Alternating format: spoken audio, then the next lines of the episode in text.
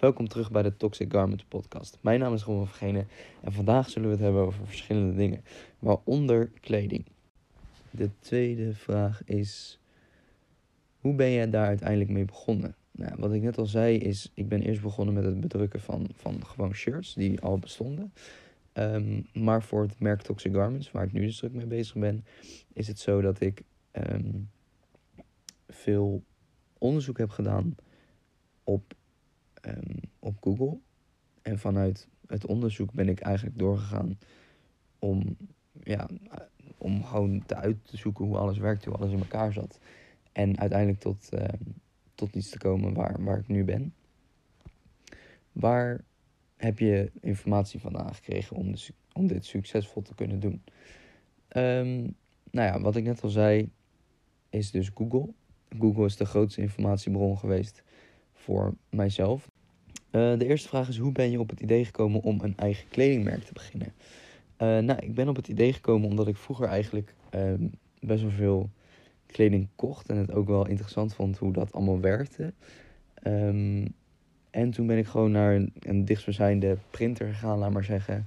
En heb ik daar een aantal designs gemaakt en dat laten printen. Um, niet met het idee dat ik daar ooit nog wat mee ging doen, maar gewoon omdat ik het vet vond om mijn eigen kleding te hebben. Met mijn eigen verzonnen merk erop, met mijn eigen verzonnen tekst erop. Uh, en dat heb ik gedaan. Um, nu is het zo dat ik daar uiteindelijk toch mee verder ben gegaan. En daar heb ik ook een aantal shirts gemaakt die ik ook heb verkocht. Um, nou was het wel zo dat ik eigenlijk niet kleding maakte die, um, ja, naar mijn mening, naar mijn smaak was. Meer wat, wat ik gewoon kon maken en wat ik op dat moment wist hoe ik dat kon maken. En zo heb ik dus gewoon shirts gekocht, Gildan shirts. Wellicht ken je dat wel. Uh, nou ja, als je een beetje verdiept hebt in de kleding, dan is Gildan een van de eerste printbare merken um, die je tegen zal komen. Uh, het zijn helemaal blanco shirts. En daar heb ik gewoon bij een lokale uh, printer heb ik daar gewoon mijn, mijn logo op geplaatst. en die heb ik ook verkocht. Maar wat ik net al zei, ja, Gildan is niet echt de hoogste kwaliteit. Het is wel goede kwaliteit, zeker weten. Um, maar meer merchandise idee. voor merchandise is het echt perfect. En um, wil jij iets wat, wat niet te duur is voor mensen, maar wel kwalitatief prima is, nou, dan is Gildan zeker een goede optie. Uh, maar ik wilde eigenlijk iets wat meer bij mij lag. Aangezien ik ja, ook wat, wat merkkleding droeg. En um, het interessant vond wie daarachter zat.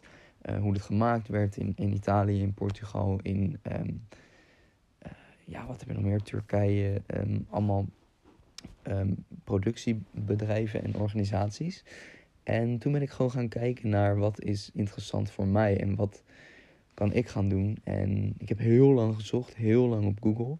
En uiteindelijk kwam ik er dus um, achter dat er verschillende producenten waren. Dat je kon bedrukken, dat je doosjes kon maken, weet ik veel wat. En nou ja, zo ben ik eigenlijk op het idee gekomen om toch weer door te gaan met een kledingmerk. Um, en dat is nu de Toxic Garments. Afwisseling maken in het Nederlands en in het Engels.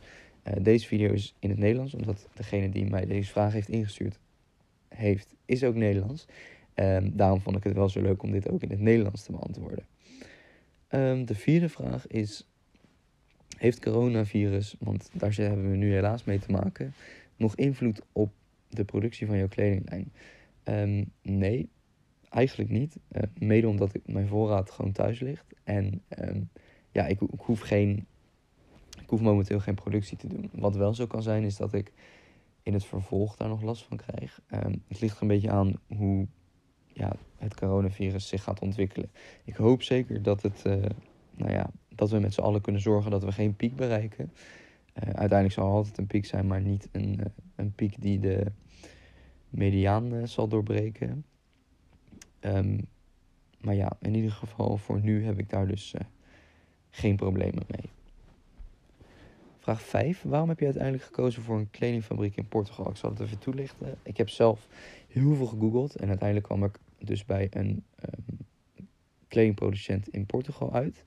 Um, er zijn verschillende producenten. Je, hebt bijvoorbeeld China, je hebt bijvoorbeeld Portugal, je hebt bijvoorbeeld Italië en je hebt bijvoorbeeld Turkije. Nou ja, voor mij was het zo, ik heb verschillende bedrijven in verschillende landen een mail gestuurd. En degene in Portugal was gewoon het meest, um, duidelijk het meest enthousiast. En ja, dat voelde voor mij heel erg goed. Uh, China is ook nog eens best wel ver weg. En Italië, ja, daar kan je van alles maken. Ook uh, leer en jeans en weet ik het wat. Maar voor dit, wat ik nu heb, wat shirtjes zijn, um, was voor mijn idee Portugal de beste optie. Um, en wat ook is met Turkije, is relatief ver weg. Um, nou ja, daar staat dus heel veel informatie op. Um, waar ik heel veel gebruik van heb gemaakt. Zo ook podcasts de laatste tijd. De laatste tijd luister ik heel veel podcasts. En daarom dat ik ook zelf een ben gaan uh, maken. Nou, nu dus de eerste aflevering. Omdat ik gewoon merkte van... Ja, er zijn eigenlijk zoveel podcasts en video's in het Engels. Maar vrij weinig in het Nederlands. En dan wil ik... Uh, dit is vraag 6. Met welke voorbereidingen ben je naar een, een kledingproducent gegaan? Nou, ik heb dus eerst um, het een en ander designs gemaakt. Een beetje op papier gezet en voorbeelden gemaakt. Um, hoe het shirt er ongeveer uit moest zien. Nou, mijn shirt is gewoon zwart, eigenlijk heel basic. En heeft een boxy fit. Uh, wat eigenlijk vrij simpel is. En ik heb toen hier in Nederland gewoon bij een printdienst heb ik mijn design op een shirt gezet. Dat heb ik meegenomen.